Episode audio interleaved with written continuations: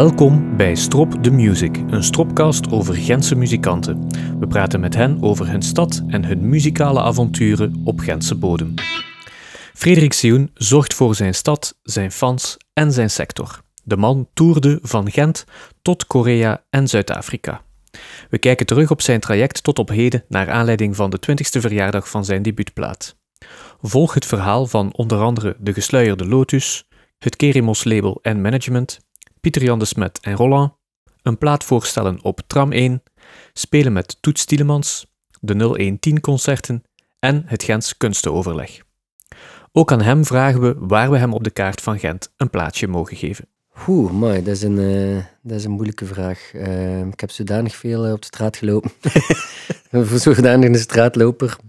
Ik denk ook wel ehm, dat, ik mijn, dat ik ook wel rond Sint-Jacobs en het Beestermarkt en zo wel wat gedwijld heb. Ik denk dat er mm -hmm. natuurlijk ook een link is met de Gentse feesten, die plek. Maar dat zijn ook de, de plaatsjes waar ik eerst mijn stappen heb gezet in de verschillende cafeetjes. Grappig dat je wel sprak van tussen Sint-Jacobs en Beestenmarkt. Want mm -hmm. ik, zou, ik doe nooit de suggestie, of ik zou nooit, kan het nooit doen, maar bij jou kan ik het wel. Dan zou ik het op de hoek van de Gildestraat en de Sint-Jacobs Nieuwstraat toch misschien wel doen. Inderdaad, ja, de gesluierde lotus. Uh, ja, ja, ja, ja, ja. wel, eigenlijk, ja, dat is, dat is een goede plek inderdaad. Ik zou uh, de gesluierde lotus tussen Beestenmarkt en uh, Sint-Jacobs. Ja. Daar heb ik mijn broek versleten. Maar dat was inderdaad in de beginjaren dat ik daar kon spelen, maar ook mm -hmm. dat ik achter de toog stond. Ja. En de donderdag en de zondagavond. en dat ik ook rechtstreeks met, ja, met iets te veel op um, naar mijn stageplek ging in Tentegent bijvoorbeeld. Waar ja. dat toch ook wel uh, een kiem is gelegd geweest voor uh, ons labelke Keremos. Ja. In een tijd. Dus uh, ja, dat zou een goede situering zijn. Of okay. een goed centrum van Sion in Gent. van waar ben je precies uit Gent afkomstig? Ik ben opgegroeid in Gentbrugge. Mm -hmm. Eerst onder de watertoren en dan aan het station van Gentbrugge. Ook nog een kleine uitstap naar Sint-Amansberg, maar dan terug uh, met mijn moeder naar Gentbrugge verhuisd. Mm -hmm. Maar dan zelf, zelf een, een huisje gekocht uh, op de Muiden, Muidenmeulensteden, mm -hmm. 16 jaar geleden. Dankzij uh, Pieter Jan de Smet, de eerste producer van mijn platen. We zijn, al, we zijn al direct bij het onderwerp aangekomen. Maar ja, anders moet, moet op de Muiden moet niet echt zijn als je daar niet iemand ja. kent. Ja. Als je dan, hij passeert daar niet zomaar. En ja, als ik dan de kans had om een, een, huisje te kopen, dan was dat daar nog betaalbaar. En waren ja. er ook veel artiesten. En ook die in een mixed buurt was, was zeer interessant en integrerend. Dus ik heb mij daar genesteld en ik woon er nog altijd. Was Gentbrugge en zo ook een muzikale buurt? Of heb je daar nog muzikale herinneringen aan, aan die eerste jaren? Mm, niet echt, nee. Want eigenlijk speelde mijn leven wel af in het centrum. Hè. Ja naar het Keizer Karelstraat geweest, in het lager. Mm -hmm. En dan uh, muziekschool was ook op de Poel en niet in Gentbrugge bijvoorbeeld. Ja. Maar uh, vooral uh, veel sport gedaan in Gentbrugge. De atletiek, ja. pingpongclub, een beetje gevoetbald. de jeugdbeweging zat op Sint-Amansberg dan. Mm -hmm. um, maar ik zat niet met muziek associëren. Mijn eerste bandje repeteerde ook in Sint-Amansberg. Dus eerder daar in de Waterstraat richting Oostakker. Okay. veel uh, ge, geprutst en uh, is, is dat al medium? Nee, ja. Ja, medium. Oké, okay, ja, ja, ja. Wacht, maar voor we naar medium gaan, ja, ja. Ik, ik, wil nog even terug, want er zijn al een paar interessante dingen gezegd. De poel is gevallen. Mm -hmm. En ik denk dat de naam Sioen nu voor elke Gentse muzikant uh, een grote naam is. Maar voor een paar generaties is de naam Sioen voor een muzikant die naar de muziekschool ging ook een belangrijke naam geweest. Ja, Want de naam van uw papa stond op alle noodleerboekjes. een oranje boekje, inderdaad. Ja, ja, ja. Maar uh, ja, en het, dat is grappig, want uh, hij heeft mij onlangs nog een verhaal verteld van de familie De Kouter, die daar uh, allemaal in, uh, met Hans' familie in zijn les kwam zitten. Mm -hmm. dat hij een volwassen, een volwassenen les gaf met tal van muzikanten, met zeven, hij had 70 volwassenen in een klas. En ik had, zat af en toe ook, uh, zeker de woensdag namiddag, zat ik ook uh, achteraan Mhm. mijn huiswerk te doen. Uh, en dan zat ik niet op te letten bij zijn les, maar moest ik, werd ik toch naar voren geroepen om het goede voorbeeld te geven. nog altijd iets wat ik met een lichte allergische reactie aan terugdenk. maar ja, ik moest inderdaad um, het goede voorbeeld geven. Maar het is zoveel later nog zoveel keer gebeurd dat er iemand mij aansprak, inderdaad, omdat hij les had gehad van mijn vader. Mm-hmm. Ja. En dan dat boekje, ja, hij was zeer toegewijd als leerkracht. Ja. Dus niet voor elk jong kind uh, fijn om te moeten naar de muziekschool gaan. Ik weet niet welke herinneringen dat jij er nu misschien door je vader of zelf aan over hebt gehouden. Oh nee, ik heb dat altijd met, met plezier gedaan. Ehm, denk wel zo, ja, de notenleer was zo'n verplicht nummertje. Mhm. En later ook zo uh, eh, AMV en zo. Dat was, maar vanaf dat, dat je kon uh, muziek spelen en combo's doen. En ik had ook een fantastische leerkracht, dwarsfluit, want ik speelde mhm. dwarsfluit. als enige jongen toen ook. Dat was ook heel interessant.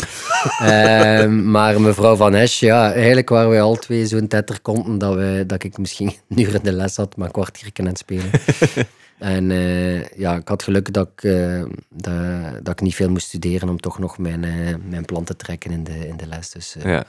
Maar ja, ik heb dus elf jaar uitgedaan en ben daar ook blij om dat ik dat, dat, ik dat heb volgehouden niet evident om met die dwarsfluit te gaan grungen in medium. Wat gebeurt er daartussen? Of hoe komen we in godsnaam bij medium? Pas op, ik heb nog mijn Jetro Tool hebben we zelf nog oh, gecoverd. Ja, ja, ja, op één been staan en een dwarsfluit is een, grunge band. Nee, ja, bon, je bent 15 jaar en je begint te luisteren naar de naar Nirvana's en Pearl Jams en, mm. en, en, en Soundgardens en dan... Uh, ik, had, ik was ook de jongste van een band. En eigenlijk was dat ook dus in de gesluierde Lotus, dat ik in uh, eerste bandje, tot mijn eerste bandje ben gekomen. Want uh, er zaten twee van de bandleden. Toen was dat nog uh, de groep Mist. Uh, ik vond dat persoonlijk een betere naam dan Medium, want dat is niet zo ambitieus om je groep Medium te noemen. het tuigt niet van veel ambitie, maar het was natuurlijk Medium, het kanaal, zoals we hier Urgent FM hebben. Uiteraard. Maar um, zij zaten eigenlijk aan een toog, twee van die leden, uh, te praten over dat er alweer een zanger gestopt was. Um, en dat ze, hoe dat ze dat nu gingen aanpakken, want ja... En dus ik had... Uh, ja, ik, ik zei gewoon met mijn grote muilen van toen dat, dat ik wel ging komen zingen. En voilà. Ik deed een auditie en ik moest, in, moest Mia van Gorky zingen. Mm En um, dan... Ook al een teken aan de wand? Daar was ik deel van die band plots. Ja die we dan nog eerst de limited edition hebben genoemd. uh, we hebben nu trouwens een covergroepje met leden van Spaak en Spier, Limited Addiction. Maar wel. Oké, ja. Maar dat, dit terzijde. maar uh, alles komt terug. Maar uh, nee, dat was heel fijn en dat was een, ja, eigenlijk een vrij goede band, maar um, we hadden zo onze eigen stijl nooit gevonden. Hè. We, hadden, we hadden zo wel wat goede nummertjes en dat lag mij direct om op uh, het mhm. podium te staan. Maar, uh, het is Mag je daar al iets schrijven of schrijf je daar al eens iets? Uh, ja, ja, ik, ik, uh, ik moei mij overal. dus uh, ik probeer, ook al, probeer ook al direct wat mee te schrijven. En ik denk wel, allee, we zaten niet met alle bandleden op dezelfde mm ambitie. Ehm, vooral de gitarist Alwin, die dan later nog wel even bij mij gespeeld heeft, ook toen ik solo begon. Um, die was ook wel gebeten, maar het was eerder zo de vrijdagavond met een uh, ja, goed alibi om ook een goede pint te drinken. En dat was ook plezant, vooral duidelijkheid, want ik heb er echt een vrij leuke tijd mee gehad. Maar ja, dat bleef een beetje steken en we, we repeteerden iets te vaak dezelfde nummers. En mm -hmm. dan... Uh, heb ik eerst nog wel eigen nummers geïntroduceerd in een band, maar dan voelde ik wel dat ik ja, daar, daarin moest verder doen. Nummers die je voor Medium schrijft, of die er ervoor misschien al waren? Nee, maar gewoon ook door de stimulans van met zo'n band bezig te zijn en op podium te staan en mensen die daarover aanspreken, begin je dan eigen nummertjes te maken, eerst op gitaar.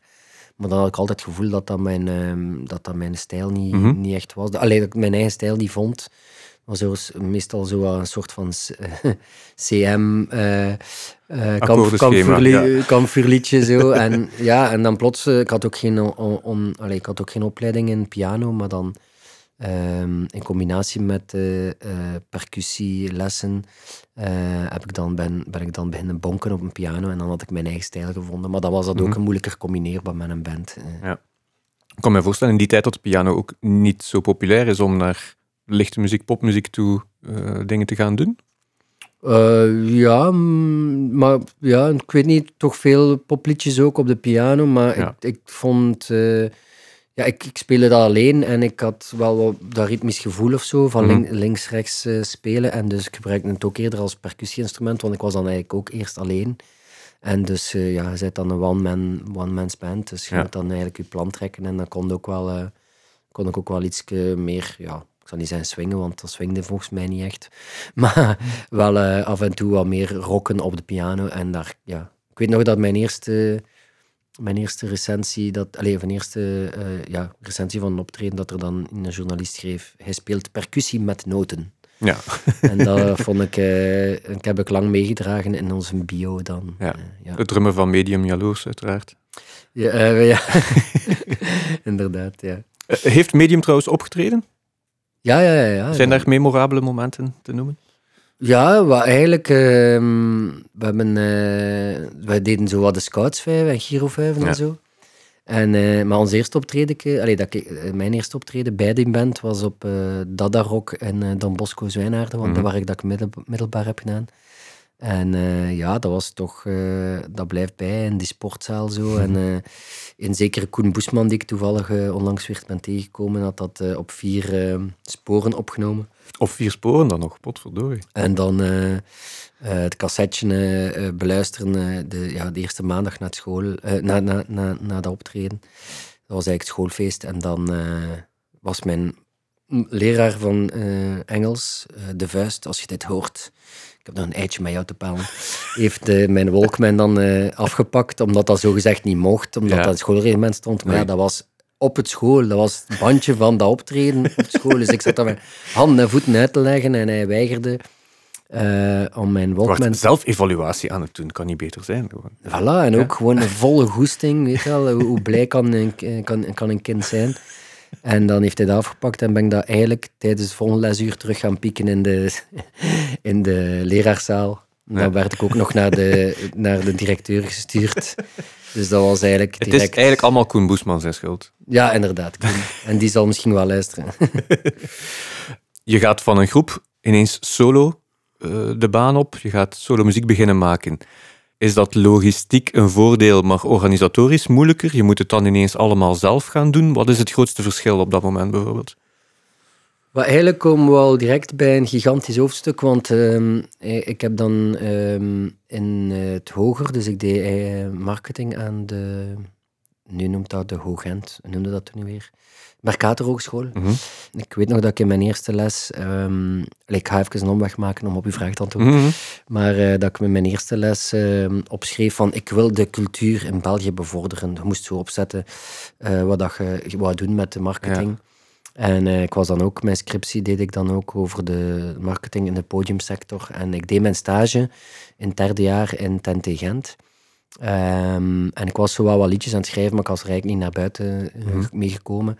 Maar dan op een personeelsfeestje bij Tom de Klerk thuis, uh, die dan nu terug op de communicatieafdeling werkt van NT Gent trouwens. Um, die uh, heb ik zo wat nummertjes gespeeld, stond daar een piano. Dus dat was eigenlijk mijn eerste, alle, uh, ja, mijn eerste vuurdoop, mm -hmm. buiten een uh, notoire familiefeest.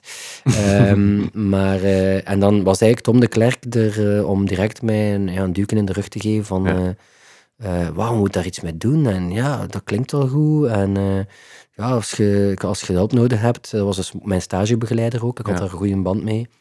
En die zei direct van, uh, ja, um, als je dan optreden, we hebben nodig. Ik had geen, ik had geen rot frank, was student natuurlijk. Mm -hmm.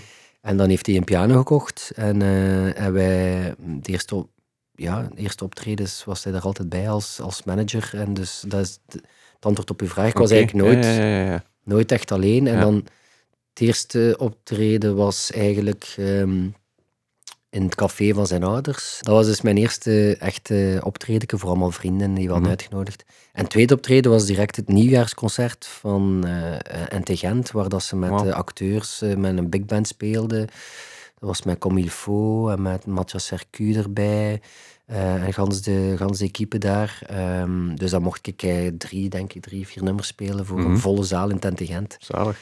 En zo was dat eigenlijk wel, uh, wel direct vertrokken. Maar dus ik heb eigenlijk altijd direct met een, met een manager kunnen, kunnen werken die, die dan ja, later partner in crime werd voor alles wat we met Keremos, ons label, hebben gedaan. Ja. En het sociale van daar dan toch alleen te moeten zitten en geen ruggensteun te hebben of geen frontman trucken te kunnen uithalen en over het podium te lopen? Ja, dat was, dat was een ramp. Nee, was echt, ik ga dat niet onder stoelen of banken steken. Dat was niet...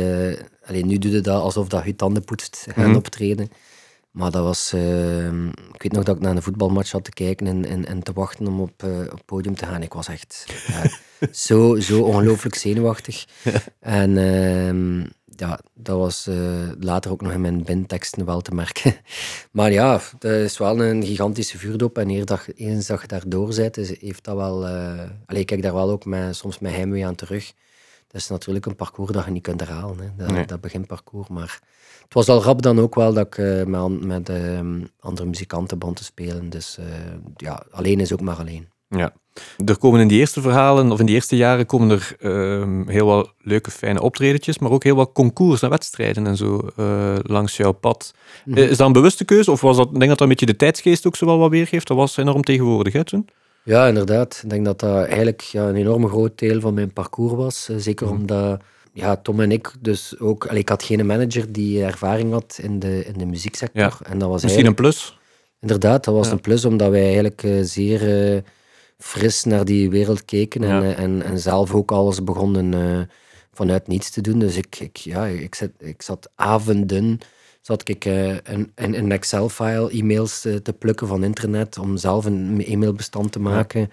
Ehm, en begonnen wij mensen dan lastig te vallen met veel te veel e-mails van die optredens. Maar ehm, ja, die concours was toen inderdaad Oost-Vlaams Rock Concours. Uh, en debuutrock? Debuutrock, ja. inderdaad.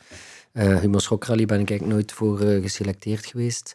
Maar eh ja, had eigenlijk in elk gehucht hadden wel eh, Mhm. een, een, een rockrally, waar dat we dan ook aan meededen. En dat was eigenlijk ook de start toen van Poppunt eigenlijk. Die eh, met 100% puur Ja. was dat, eh, hetgeen wat nu de nieuwe lichting is.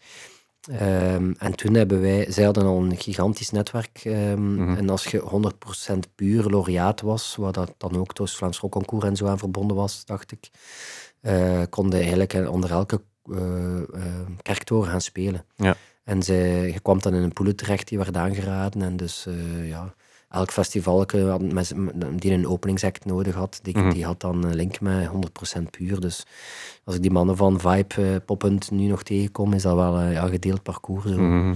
20 jaar later. En, eh, maar toen was debuutrock eigenlijk wel, mm, ja, ik zal niet zeggen de evenknie, maar toch eh, bijvoorbeeld Ozark Henry is daar ook en eh, Zornik en zo zijn daar ook uitgekomen. Of Zornik heeft er beide gedaan. Maar ehm, ja, dat was een gigantische opstap. hier in de vooruit trouwens, ehm, de finale. Allee, dat was ook trouwens, de finale was zonder winnaar. Dat vond ik eigenlijk ook wel chic. De, Ja. acht, de acht bands die daar spelen. Ja, ja. Ik weet nog, Digenic eh, was Ah, een ja, van die lau- laureaten. Jimmy Coleman. Jimmy Coleman, inderdaad. Ja. Goh, en het was nog, ze eh, noemt hij nu Ste- Steven. Kijk, dat soort dingen had ik moeten opzoeken. Maar er zijn nog altijd mensen van die lichting die, er, die, die nog altijd met iets bezig zijn of zo. En, ehm, maar dan stond ik ja, direct op, eh, zelf op Martrock en zo, alleen met mijn piano. Is het evident om, trouw te blijven aan dat idee dan? Je ziet al die bandjes rondom je, kriebelt het dan weer niet om, om naar een bandgeluid te gaan? Of, want je moet het dan toch maar weer alleen allemaal gaan doen? Ja, natuurlijk, op dat moment was dat wel... Nu heb je veel songwriters, vind ik. eh, maar toen was ik ook dan de allereerste en e- enige. En dat was wel ook een voordeel. Allee, Ja. ik, eh, toen ik in de Lodio speelde, weet ik nog goed, in Locristi, was echt tussen keiharde bands. En dan, ik had zo een hemdje aan. eh, ik, ik- ja, ik kwam een keer daar alleen met... eh, en als je dan nu een plan trekt of eh, Ja. een kwinkslag geeft en, en als je dan zien, ja, in mijn Wild Wild West bijvoorbeeld was een, een nummer dat toch wel Ja. vooruit ging. Ja. En dan kregen ze plots wel, ja, je kon ze verrassen. Ja. Met, en, en dat was wel een voordeel. Mhm. Maar ehm, ja, het was toch, ik denk dat ik ja, 50, 60 optredens moet alleen gedaan hebben en dan pas later eh, met eh, Renaud Gilbert, dan, eh, de Ja. violist die er dan is bijgekomen. We komen bij de viool, maar we hebben daar nog een belangrijke violist, een man die hier ook al gepasseerd is. Philippe de Chaffois komt daar in het verhaal voor een, een eerste demo of zo. Hoe, hoe, hoe verliep dat precies? Of hoe kwam je in godsnaam bij hem terecht? Ja, wel, dat was, ik denk dat dat een contact was via de wereldmuziek, want ehm, eh, eh, Tom die had wel wat connecties in de wereldmuziek. Eh, Door, door voor bands ook te werken? Of, of, eh, Nee, de kennissen, van, eh, kennissen uit zijn vriendenkring. Dus een van Elisabeth Maas is een flamenco-danseres. En dan Guido Schiffer spelen daarbij. ja, ja, ja. Ehm, en die had dan de link met Philippe Duchaffois. En, ehm, dus daar hebben we dan opgenomen, want uiteindelijk is daar eigenlijk Geremos ook ontstaan die uh, Galia Banali en Timna, die, die band, was onze eerste band die we dan samen manageden. Ja. Uh, en waar ik dan Renault heb leren kennen. Mhm. Ehm, maar Philippe Duchavois had de studio in Paterzol, Haringsteeg. En dan heb ik elk nummer twee keer gespeeld, Ja. met piano en zang. En dan was dat de eerste demo. En als je dan nu denkt hoe lang dat we ja, soms in een, in een kot zitten voor een opname te doen, was dat ook wel super eerlijk. En dan, ja, uh, had ik een demootje dat, dat, dat vijf liedjes had en waarmee dat we, ja, dat we ook konden verkopen na, na de optredens. Mhm. Dat was eigenlijk ook waanzinnig, want ik denk dat wij... Ik zal zeker niet verkeerd zijn als ik zeg dat we meer dan 3000 demo's hebben verkocht toen. Mhm. Als je nu 3000 cd's verkoopt, of uh, later... Allee, we hebben dan later ook ons budget van onze debuutplaat daarop afgestemd. Van als we 3000 demo's kunnen verkopen, moeten we ook 3000 platen kunnen verkopen. Mhm. En um, ja, dan, dan dweilden we inderdaad elk café af. Um, ik weet nog dat Tom wel een tactiek had van uh, elk café in Gent en Leuven. En daar zien we de studenten en die pakken die steeds mee naar Ja. het dorp. En zo Ja. kunnen we... Ja, verdeel. Zo kunnen we ja, zo kunnen we... Maar ja, de, die, die link, um, die link met, uh, met, met, dat, met theater en met die wereldmuziek uh, scene en zo was wel ja, een beetje de, de, de basis van wat Keremos toen begonnen is. Mhm.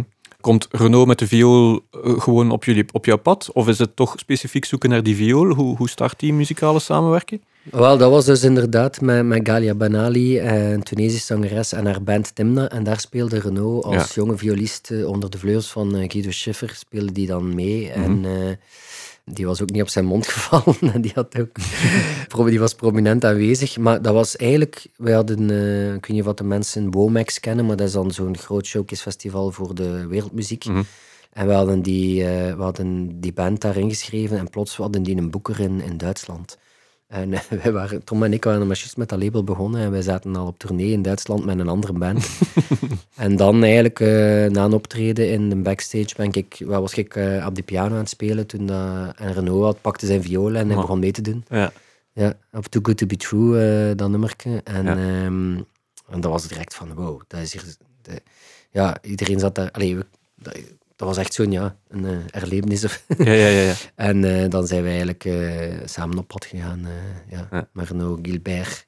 The one and only. Er komt dan het moment aan, hè, de, de naam is al gevallen uiteraard, van Pieter Jan de Smet, die eerst en vooral u een paar keer terug naar huis stuurt. En eigenlijk zegt, nee, nee, vraag dat maar aan iemand anders, heeft hij mij verteld, als dat klopt. Ja, dat klopt. Wat herinner jij je van die eerste ontmoetingen?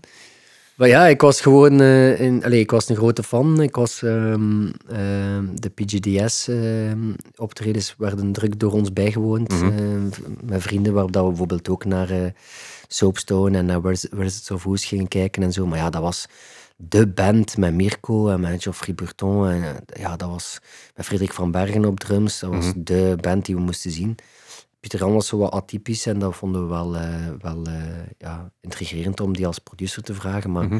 inderdaad, hoeveel keer dat ik die heb een, een mail moeten sturen om, heb je nu al mijn, mijn demo gehoord? En daar kwam maar geen antwoord op. En eh, ik had het al bijna opgegeven, dus dat hij zei, ja, ik heb het nog niet gehoord, maar we zullen een keer pannenkoeken gaan eten. Ja, ja, ja. Ja, dus, eh, en dan zat ik hier in, eh, volgens mij was dat hier aan de vooruit, eh, dat was nog vroeger een, een tea room of zo, waar ik dan pannenkoeken zat eten met, met Pieter Jan. En dan kwam Roland, passeerde dan, en die kwam dan mee Tuurlijk. ja, toevallig waarschijnlijk. Ehm, die kwam dan mee eh, pannenkoeken eten en dan plots had ik daar met twee van mijn grote helden zo. Ja. En dan, eh, ja, we moeten eerst keer overeenkomen en we zullen het dan wel zien. Ah ja, dat muziek, dat is een bijzaak dan. Oké, zo van dan. Ehm, maar ja, dat was, dan, dat was dan toch een klik en zijn we daarvoor voor gegaan om Ja. eh, die plaat eh, te gaan opnemen. Ja. Er wordt vrij laat beslist om dat toch met band te gaan doen? Of... Nee, wel, en ik had wel al geëxperimenteerd op de Gentse feesten. eh, dat was dan ook weer het fijne aan de Gentse feesten, dat je Ja. dat kon. Eh, op Sint-Jacob, denk ik, was het een van de eerste keren eh, met drum, percussie, eh, twee eh, backings, twee violisten, denk ik. En dan was Jacob Nachtergalen, dus later ook Absent Ja. Minded, Absent Minded, en Jesse Vrielink, die toen van bij Barry Bangkok... Allee, die toen bij Barry Bangkok speelde, was dan zo wat de band die daar dan wel gevormd was. Ja. En eh, ik kende Frederik Segers ehm, nu ook, ja, een echt eh, ongelooflijk goede producer. Mhm. En die eigenlijk langst bij mij in mijn parcours heeft gezeten, of nog altijd is. Eh, die eh, ken ik dan via Renault ook van eh conservatoriumbende. Want eigenlijk zaten wij voor ons eerste platen al met Bert Ostijn en met Lady Lynn en uh, Jeroen de Pessimier van de Subs uh, op café. En die kwamen dan met het conservatorium en ik leerde die dan via Renault kennen en zo. Dus uh, dat was wel ja, ook ja, een immens wijze tijd. Want welk jaar zitten we dan? En welk jaar is de debuutplaat? Dus, dus ja, effectief ik heb mijn eerste, ja, mijn eerste optreden was in 2000 en dan um, in de debuutplaat in 2003. Dus het parcours waar we nu over hebben was dan ertussenin. En dan hebben we eigenlijk niet meer zonder uh, band gespeeld. Allee, ik bedoel, natuurlijk nog wel kleine dingetjes, maar dan was dat wel de, de vaste band, was zo wel wat uh, geboren. Dan. Pieter Jan de Smet had het ook over kijken naar de koers tijdens de opnames. Eh, was dat daarvoor al een passie van jou? Of heeft hij u dat maar ook... Je goed geïnformeerd. uh, nee, maar dat was inderdaad... En dan uh, Renault die dat echt niet kon gebruiken. Oh, ik was zo ici... in mijn tijd... hij was student, had hij, had hij tijd, had hij tijd zat. En dus hij kon er niet van over dat wij ja, drie uur stopten. En, op, en de opnametijd liep. Dat we naar de koers moesten kijken. Ja. Dus ja, zowel de pannenkoeken met de piepjes dan en met Roland en Pieter Jan dan later. En, uh, en de koers, dat zijn uh, ja, vaste ingrediënten vaste gebleven. Net als uh, ja, het feit dat ik dan door Pieter Jan naar de Muiden ben verhuisd. Ja. Het gaat vanaf dan ineens heel snel. Hè? De, de, de festivals lonken, noem maar op. Maar toch is er dan bijvoorbeeld toch nog tijd en aandacht om die plaatvoorstelling toch in Gent op de tram te gaan doen. Blijft Gent daar toch een belangrijke rol spelen voor jou? Ja, absoluut. Nou, constant eigenlijk. Ik denk dat dat nooit is weg geweest. En uh, ja, in Gent, naast dat parcours van al die kleine cafeetjes, hebben we dat we echt uh, ons... Kilometers gereden hebben ook, ja. Ja, en dat we, allee, maar dat we ook als stad mogen blij zijn dat we zo'n klein parcours, allee, klein circuit ja, ja, ja, hebben van cafeetjes waar je zo kunt testen. Want ja, uh, in een tijd hadden maar drie, drie, drie nummers nodig en je had al een keer een optreden ergens. En je speelde dan drie keer die drie nummers. Nee, nee. Maar... um, Nee, maar ja, Gent en, en dus ja, dan die, die, die clips, want we hadden dan een samenwerking met Vidiots, waar dat er dan eigenlijk ook nog veel wat filmmakers met, en het groot bedrijf Fisheye nu is uit voortgekomen. Mhm. Dan Hans Buijsen met zijn uh, Poetry in Motion en zijn leidmotiefbedrijf, Dagmar, die nu ook een groot productiehuis hebben in Gent en zo. Mhm. Dat waren dan zo de, de gang die um, de, de, de clips maakte. Mhm. Maar dus ja, en dan hadden Tom en ik, het feit dat we Allee, na die rockrallies probeerden wij ons, uh, ons muziek te slijten aan een van de grotere platenfirma's, maar die stuurden ons allemaal terug van ja, dat is een beetje raar, die muziek. en dat, trekt, dat trekt op niets anders. En uh, ja, dat was natuurlijk een groot compliment, maar ja, daarmee hadden we nog geen plaat. En dus dan uh, weet ik dat met Tom zo ja, een blad papier van ah ja, we zullen dan een platenlabel maar zelf oprichten. Dat was echt, echt niet zo evident, want ik denk dat wij, ik weet nog met, met Stef Camille of zo, dat hij daar ook eerste stappen in zetten. En dat is pop waren ze wel aan het zoeken wat dat ze, hoe dat ze dat gingen aanpakken. Maar uh, dan hebben wij Cremos opgericht. En uh, allee, hebben we onder het Cremos dan dat label opgericht. Maar dat was uh, dan ook een manier van, ja, we doen dan ook alles zelf en ook die promotie. Dus Tom kende dan iemand die bij de lijn werkte. En dan kon, stond er plots een generator, een generator op tak van tram 1 en de band erop. En ja, ja, dus Hans een dag door uh, optreden en iedereen, ja, iedereen kon daarop en af. Ja. Uh, dus ja, stonden wij plots in alle kranten. We hebben zelf nog op een bootje gespeeld en de graslei en ja. pluchten, verrassingsoptredens. We waren misschien wat origineler dan, de, dan degene die de, ja, de, de paden al hadden bewandeld of die in de val van uh, herhaling trapten er is een enorme voedingsbodem in Gent, ook in die periode. Je noemt daar net al een paar heel interessante namen, ook buiten de muziek. Het is dan toch wel heel fijn om ook te merken dat, dat muzikanten uit andere steden uh, die Gentse muzikanten ook kennen en oppikken. Er is daar een fantastische uh, verrassings... ik weet niet of het een verrassing was, maar het, het biesnummer met Toets uh, ineens. Mm. wat doet dat met, met een kleine Gentenaar op dat moment? Ja, dat was ook iets. Ik denk dat wij, dat wij altijd uh, zochten naar, naar wijze samenwerkingen. Ja. En dus uh, zelfs op uh, mijn eerste optreden in de AB, dat was niet release optreden, maar hadden wij Flip Collier met Peter Lesage te gast, hadden wij Rios te gast. Mm -hmm. Dat waren trouwens ook Flip Collier, Admiral Freebie en Rios was ook 2003. Die hadden ook een debuutplaat dan uitge, ja. dat, dat dan uitkwam. En dan hebben we zelf Broad Daylight van Rios voor de eerste keer live met, met strijkers gebracht. Dat was dan op ons optreden. Ja. En uh, ja, dat was zo de aanleiding om dan nog meer te doen. En dan uh, Eh, want eigenlijk was dat Sioen 6 Boom. Ja, ja, Mega ja, slecht naam. Zalig. Maar eh, ja, we hadden een single die Boom heette en vandaar was eh, die gastformule erbij gekomen. En dan, je eh, een boombal wou houden of zo. nee, nee, net niet. Maar, eh, maar eigenlijk ja, op Dranouter ook wel een half boom, Ja, ja, ja, ja. boombal. Ja. Eh, dan ook die formule met, met meer, meer gasten. En dan hadden wij ook zoiets van, ja, we hebben een, een nee en een ja kunnen krijgen. Mhm. En dus eh, plots, naast Maridone, die dan eigenlijk ziek heeft moeten afzeggen, jammer genoeg heeft, eh, hadden wij Toets Tielemans gevraagd. En die had dan ja gezegd, want zijn kleinkinders... Ik kende dat niet zien, maar zijn kleinkinders hadden gezegd dat, dat hij moest meedoen. Ah, zo mooi. Ja, en dat, dat, dat dat goede muziek was. En dan hebben we eigenlijk, ja, dat was, dat was ja, ongelooflijk. Hè. Dat, dat, ja, we hadden ook niet repeteerd of zo. Voor ons was dat niet repeteren, was wel raar voor zo'n groot optreden. En dan Mhm. komt hij gewoon een half uur voor het optreden en eh vlug de piano terug van het podium eh, insteken in de backstage en wat liedjes doornemen. Ja. En speelde hij mee met, met vier, vijf nummers of zo, waaronder Cruisen alleen met hem. Dus ja, dat, dat, dat, dan, dan, dan was al, alles vertrokken eigenlijk. hè. Ik ga een, een domme clichévraag stellen, maar eh, zegt zo iemand dan ook iets persoonlijk tegen jou? Of heb, heb je daar iets aan? Heb je daar buiten het, het spelen, heb je daar nog eh, contact mee gehad? Eh, ja, want later heeft hij nog ehm, op ehm Ease Your Mind ook de tweede plaat aan komen spelen, Mhm. op Sleeping Beat, een nummer. En we hebben elkaar dat wel eh, ja, wat op de hoogte gehouden, vooral via het management, maar dan bijvoorbeeld eh Belgavox en zo, en op andere evenementen, Ja. 0- 010 en zo, ha- hadden we wel nog contact. Maar ik weet dat hij nog specifiek... ehm, ik kwam eigenlijk vaak van, te- van een optreden dat ik vond dat hij, dat hij niet goed was. Ik was de kleine netter. En hij zei dat ik dat, dat, ik dat moest behouden. Dat, dat ik je mocht nooit je publiek geloven, zei hij. Hmm. Als jij vindt dat het niet goed was, dan, eh, dan was het niet goed. Maar ja, dat was natuurlijk een beetje de stress die weg hebt. Ja. Als je daar nu op terugkijkt. Maar ja, dat maakte wel dat hij ja, nog harder je best deed. Of, of ja, probeerde dingen Ah, nog mooi. te verbeteren. Ja. Maar hij zei dat ik het publiek nooit mocht geloven. Ik moest gewoon mijn eigen weg volgen. We komen bij eh Ease Your Mind. Een gans verhaal met documentaire, captatie, stralen naar andere zalen waar mensen meekijken.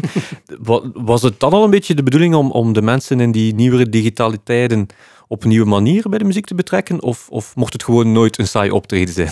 Welk van de twee? Of misschien de twee? Goh, ik denk dat wij gewoon... eh, we zaten in een trip waar, dat, waar dat eigenlijk alles lukte. En allee, die eerste jaren waren echt... Ik denk dat wij 120 optredens per jaar speelden. Mhm. Vi- vier jaar lang. Hè. En dan ook ja, drie keer op Werchter op vier jaar tijd. Dan Ja.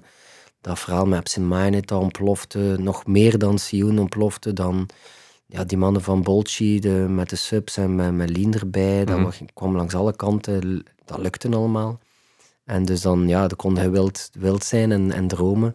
Maar ja, ik moet wel zeggen dat ik nu tijdens corona en zo die, eh, die streamings optredens en zo daar wel vrij hard moest aan terugdenken. Dat wij in 2005 Ja, ja dat al in, deden. in, in, in, in Kopergieterij Ja. eh, speelden voor 150 mensen. Maar dat er dus tot in Barcelona een Mhm. cinema was waarin dat, dat gestreamd werd. Ja. En ja, we hadden dan sponsors. eh, ik denk dat we in 26 cinemas kon, kon meekijken.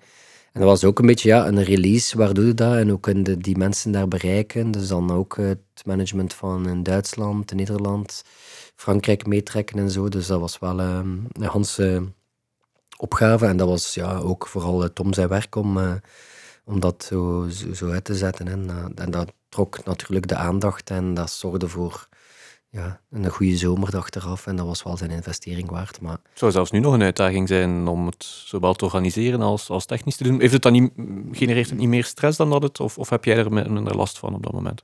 Nee, maar de- ja, ik zei het, ehm, dat was echt in een trip. Ja, 120 keer per, per jaar spelen, dat betekent als je dan nog een keer moet repeteren en interviews doet, dat je eigenlijk nooit iets anders doet dan Ja. dat. En dat was van de ene plaat in de andere. En eh, eh, ja, dat moest vooruit gaan. En ik zat zelf ook met in een drive, dus voor mij was dat allemaal, was dat allemaal oké. En dat ging, dat ging eigenlijk... Dat ging eigenlijk vlot. Dat was geen masterplan op voorhand. Maar Ja, het was ja, ja. vooral ook van hoe kunnen we weer origineel zijn met onze promotie. De, de, de, de, de bekendste firma's die er dan bij betrokken waren om dat in goede baan te leiden. Terwijl dat nu streaming ja, iets gemakkelijker is. Mhm. Maar eh, ja, het was wel een serieuze investering en een serieuze uitdaging natuurlijk. Er start rond die tijd ook een enorm internationaal verhaal, wat niet voor elke Belgische band even evident is, of nooit Mm. geweest is, zelfs nu ook niet is. Ik, ik lees daar al meteen eh, China. Hoe, hoe, hoe begint gans dat buitenlands verhaal van, van Sioen? Oeh, ehm, ik weet niet juist hoe dat... eh, ik denk dat het ook wel meer met, met de Eurosonics en zo te maken heeft, Mhm. dan die showcase festivals. eh, ook in Hamburg dan eh, aan eh, de Reeperbaan. Ehm, ook ehm, en in Frankrijk was het dan met Girls in Hawaii. En zij deden dan het voorprogramma van, van ons in Nederland en in Vlaanderen en wij van hun in, in Mhm. Wallonië en Frankrijk. Dus daar hebben we dan wel op, geteerd. Het was ook altijd in samenwerking ook, met, eh met Charco en met Montevideo en Mhm. zo, zulke bands. En dan in, in Duitsland, ehm, ja, ook via een indie-label ehm, getekend. eh Supermusic, die dat nog altijd doen trouwens nu.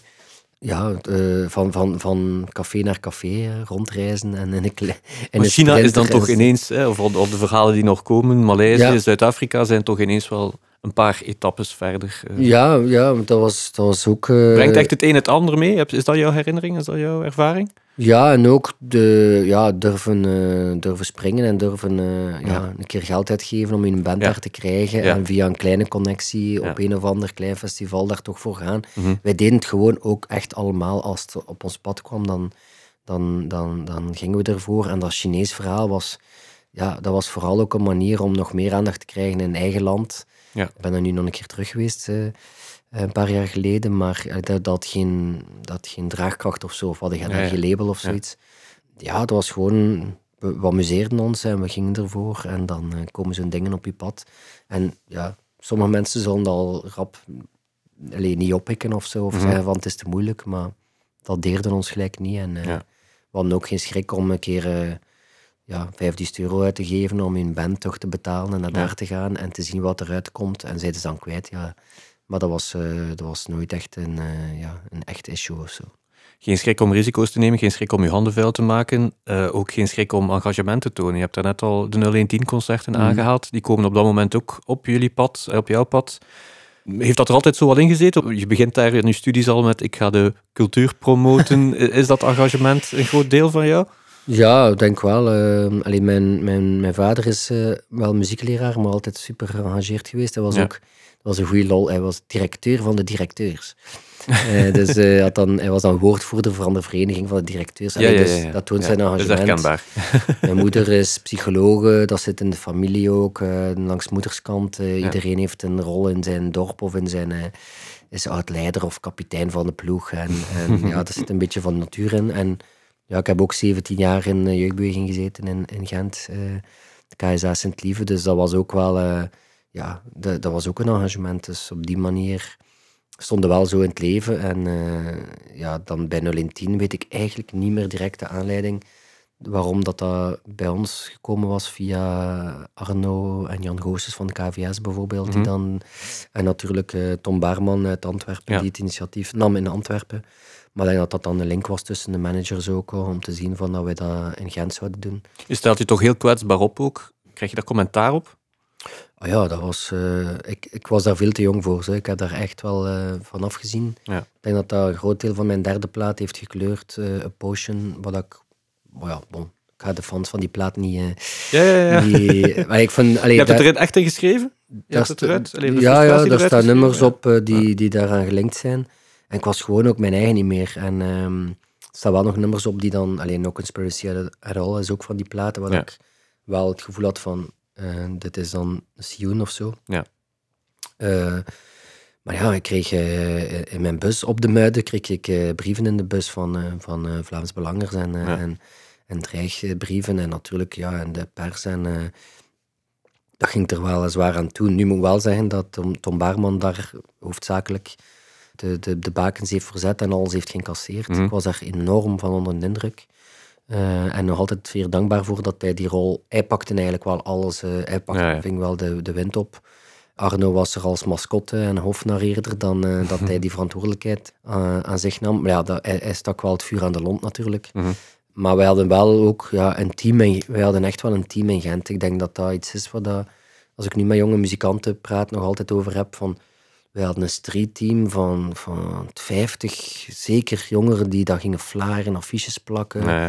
Wij hadden tourmanagers, wij hadden eh, de eerste busjes van Vincent Welvaart, toursupport. Ja. Zijn allereerste busjes heb, heb ik nog met hem gekocht. en heeft dan later overgekocht, nu heeft hij 20 busjes.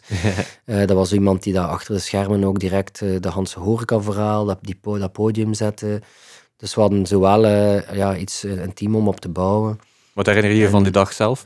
Vooral die backstage staan, staan wachten op de muzikanten die allemaal eh, langskwamen en ze dan eh, ja, aanmoedigen en begeleiden naar het podium. Allee, Ik had dan zelf ook gespeeld, maar ja, dan met Stijn Meuris, met Wiltura, met Helmut Lotti, eh, met, met natuurlijk eh, Luc de Vos en, en, en eh, Isabella. Isabelle A. en, ja, maar ook de, de mix van bands. Hè, want dat was echt ook niet zo evident dat er zo'n eh, gigantische waaier aan, aan, eh, aan genres mee op het podium stonden.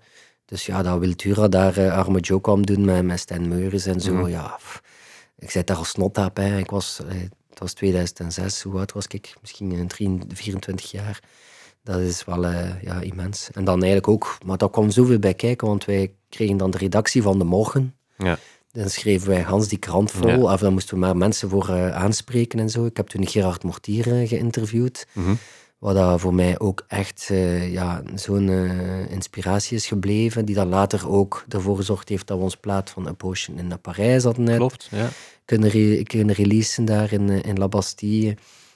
Ook een gast van de Muiden, die als opera-intendant nog boterkoeken verkocht aan de spoorweg van de Muiden. Ja.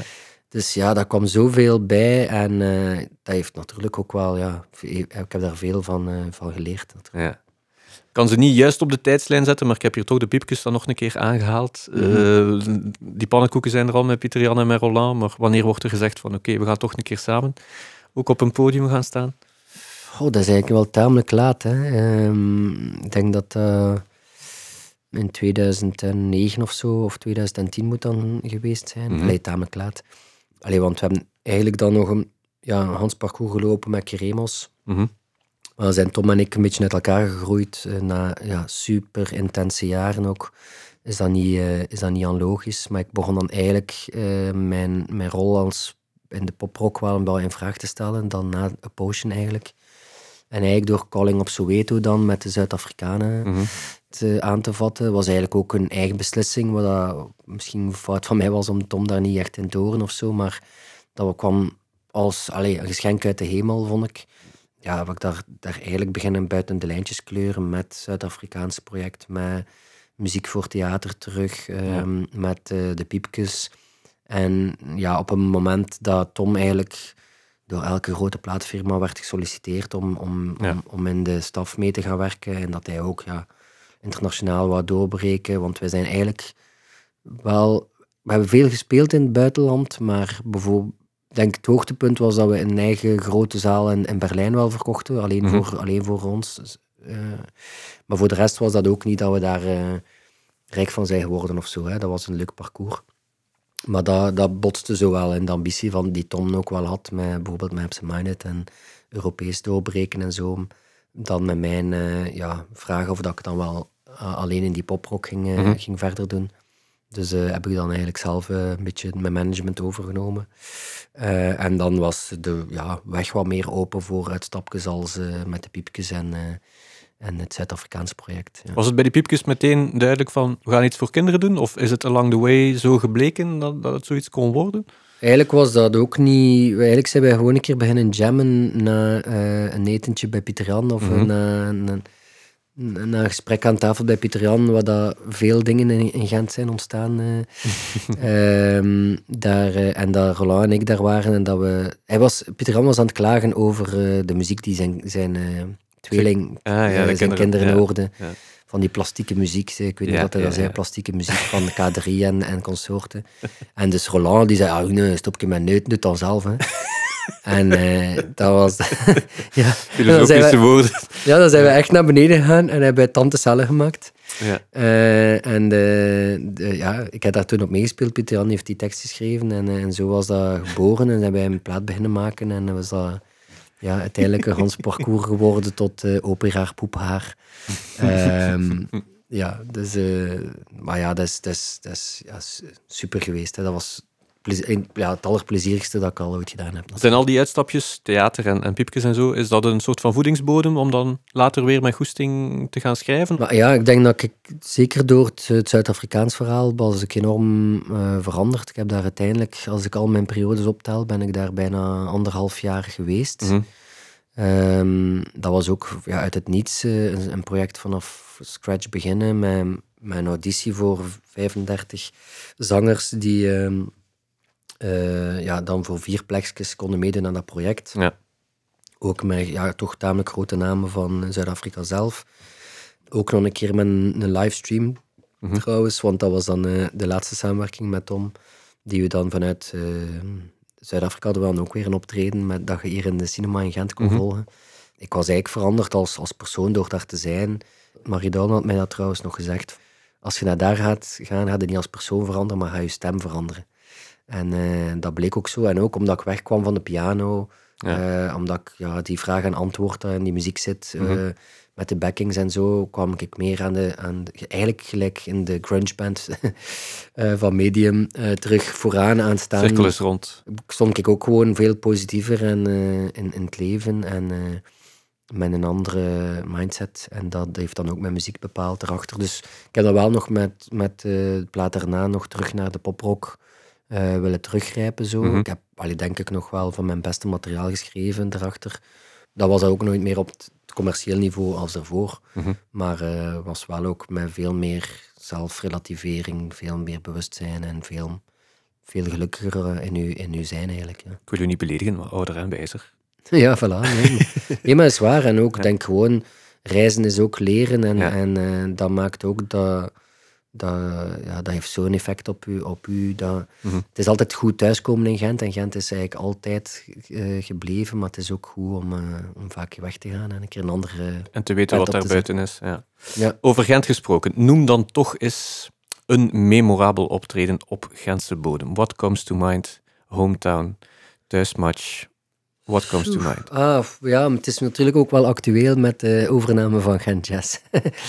maar uh, ja, ik heb wel uh, de, allee, de, de, dag op Gent Jazz met uh, dat de line-up was Sion, Dr. John, Randy Newman. Oké. Okay. dat in de grote tent. Dus allee, ja. ik denk zelf niet dat dat mijn, allee, ons beste optreden was of zo. Dat, dat maakt ook niet uit.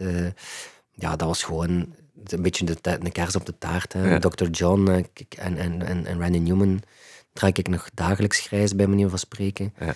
Uh, dus dat waren twee echte helden. Uh, en dan, uh, ja, dan komt, dat wel, komt dat wel allemaal samen. Mm -hmm. Behoorlijk uniek in Gent zijn ook die Gentse feesten. Kunnen we ook niet omheen. Zijn er daar memorabele momenten? Goh, dat is een aaneenreiging van, van plezier. Hè. Dus ja.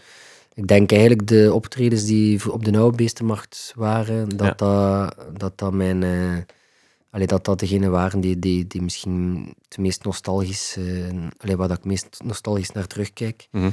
Omdat dat ook ja, een trip was van... Uh, de eerste twee, drie platen. En ja, dat stond al stampende vol.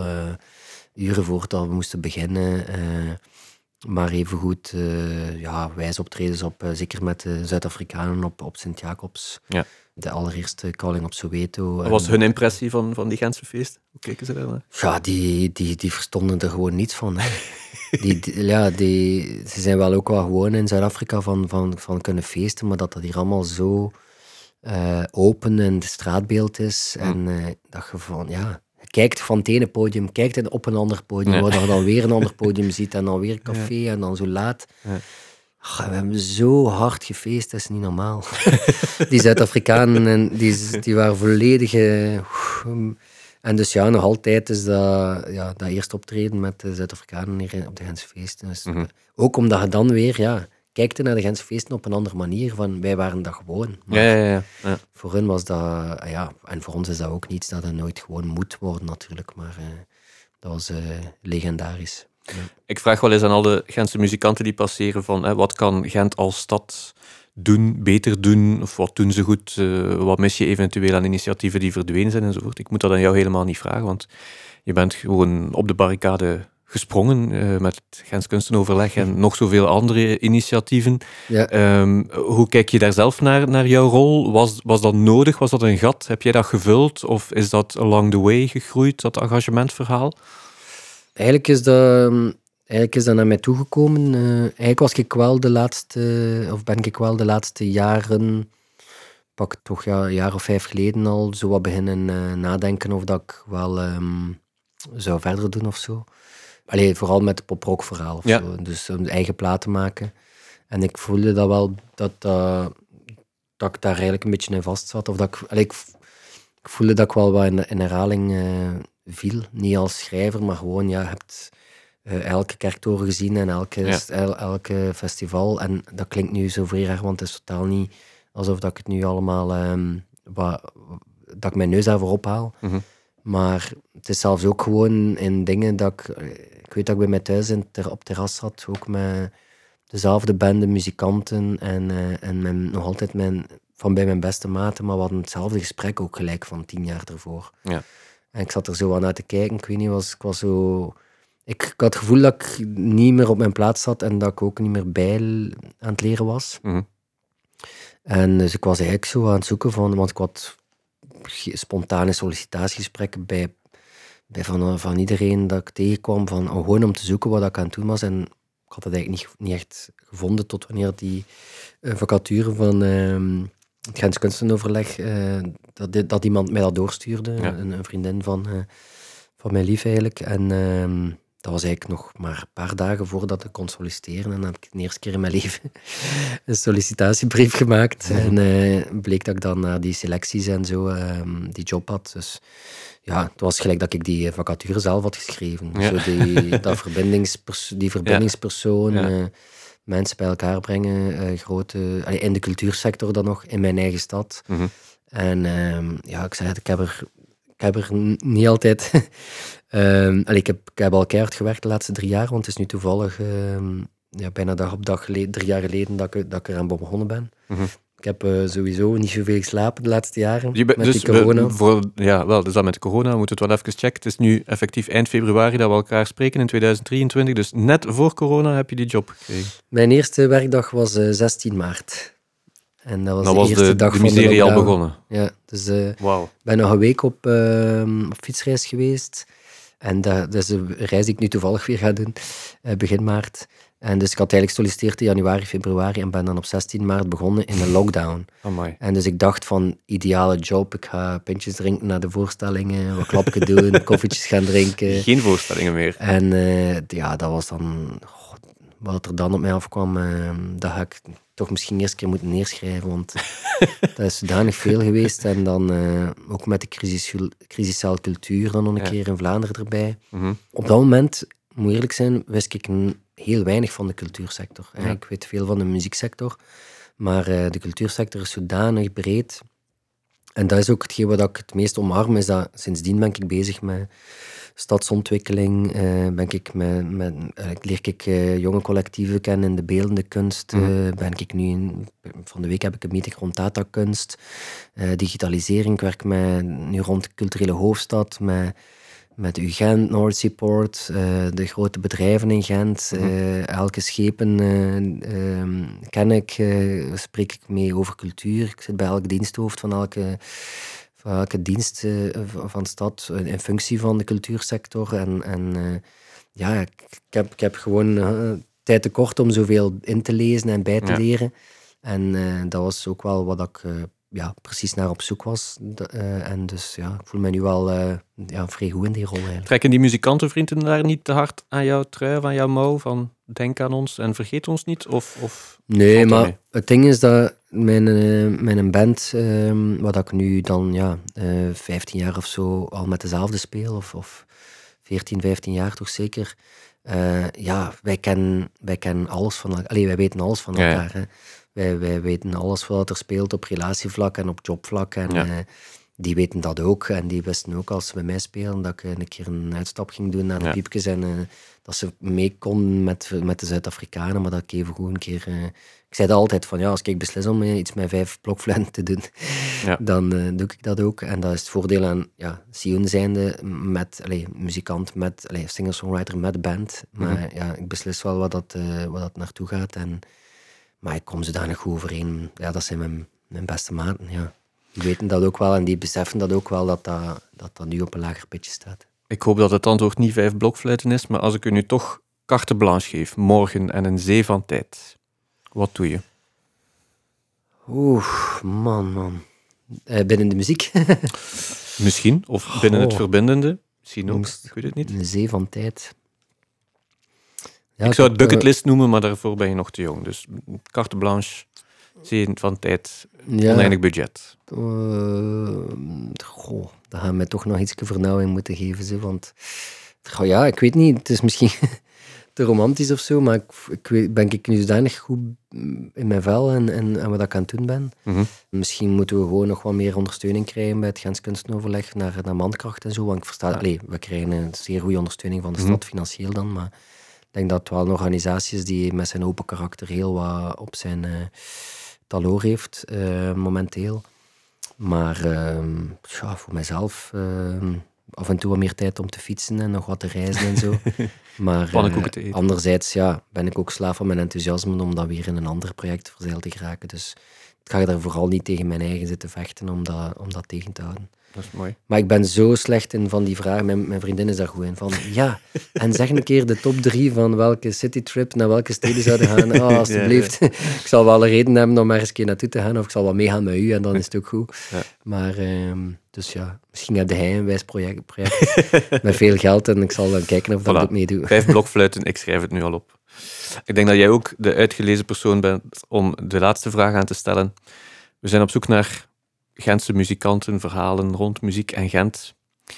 We hebben al een obvious eh, longlist, eh, maar wie zijn misschien nog onontdekte parels die we zeker eens moeten of mogen uitnodigen? Goh, dat is, eh, dat is een moeilijke weer. Maar ehm, ik zeg nu Lara Rosseel, die mij enorm verraste met die plaat dat ze nu gemaakt heeft. Mhm. Ehm, en ik heb wel zo met 1, 2, 3 piano, merk, allee, eh, we komen wel wat talent tegen. En soms kijk ik zo naar die Hanse hip-hop vibe eh, met die 9 triple 0 en, de, Ja, ja, ja. en die freestyle. En de, ik ken nu de, dankzij Gens Kunstenoverleg eh, iemand als Fatih de Vos leren kennen en zo. Mhm. Ehm, en dat was nu wel eh eh, een zekere Alois. ehm, en zijn eh, VLB, denk ik, zijn, eh, zijn compagnon. Maar Ja. Alois deed dan een optreden ehm, aan de piano. Hij rapte daarboven en hij zong daar ook aan. En dat was zo, eh, met een gitarist ook. En dat was zo ja, puur en dat zat zo goed. En, en dat was zo juist, met, dat, klopt, dat plaatje klopte. Mm. En dat was weg van de beats. Ja. En dat was weg van de, ja, de jingles soms die, die, die, in, die, in die muziek. Allee, ik, ik ben vrij fan van die vibe en van dat groepsgebeuren. Ik vind dat iets onwaarschijnlijk. En dat is ook bij het Gens Kunstenoverleg iets dat vrij hoog op de radar staat nu. Eh, maar muzikaal gezien, ik ben ook trouwens een enorme hip-hop luisteraar. Dat ik zo denk van, dit, dit is zo jaren negentig of zo dat dat terugkomt. Mhm. En toen zag ik hem daar alleen aan zitten aan de piano en was ik echt wel on- onder de indruk. En, en dat deed mij zo'n beetje ook denken aan mijn, eh, mijn eh, eigen parcours. Dus Ja, ja, ja, eh, als ik Alois eh, een duwtje kan geven, met plezier. Frederik Sioen, dank u wel. Graag gedaan.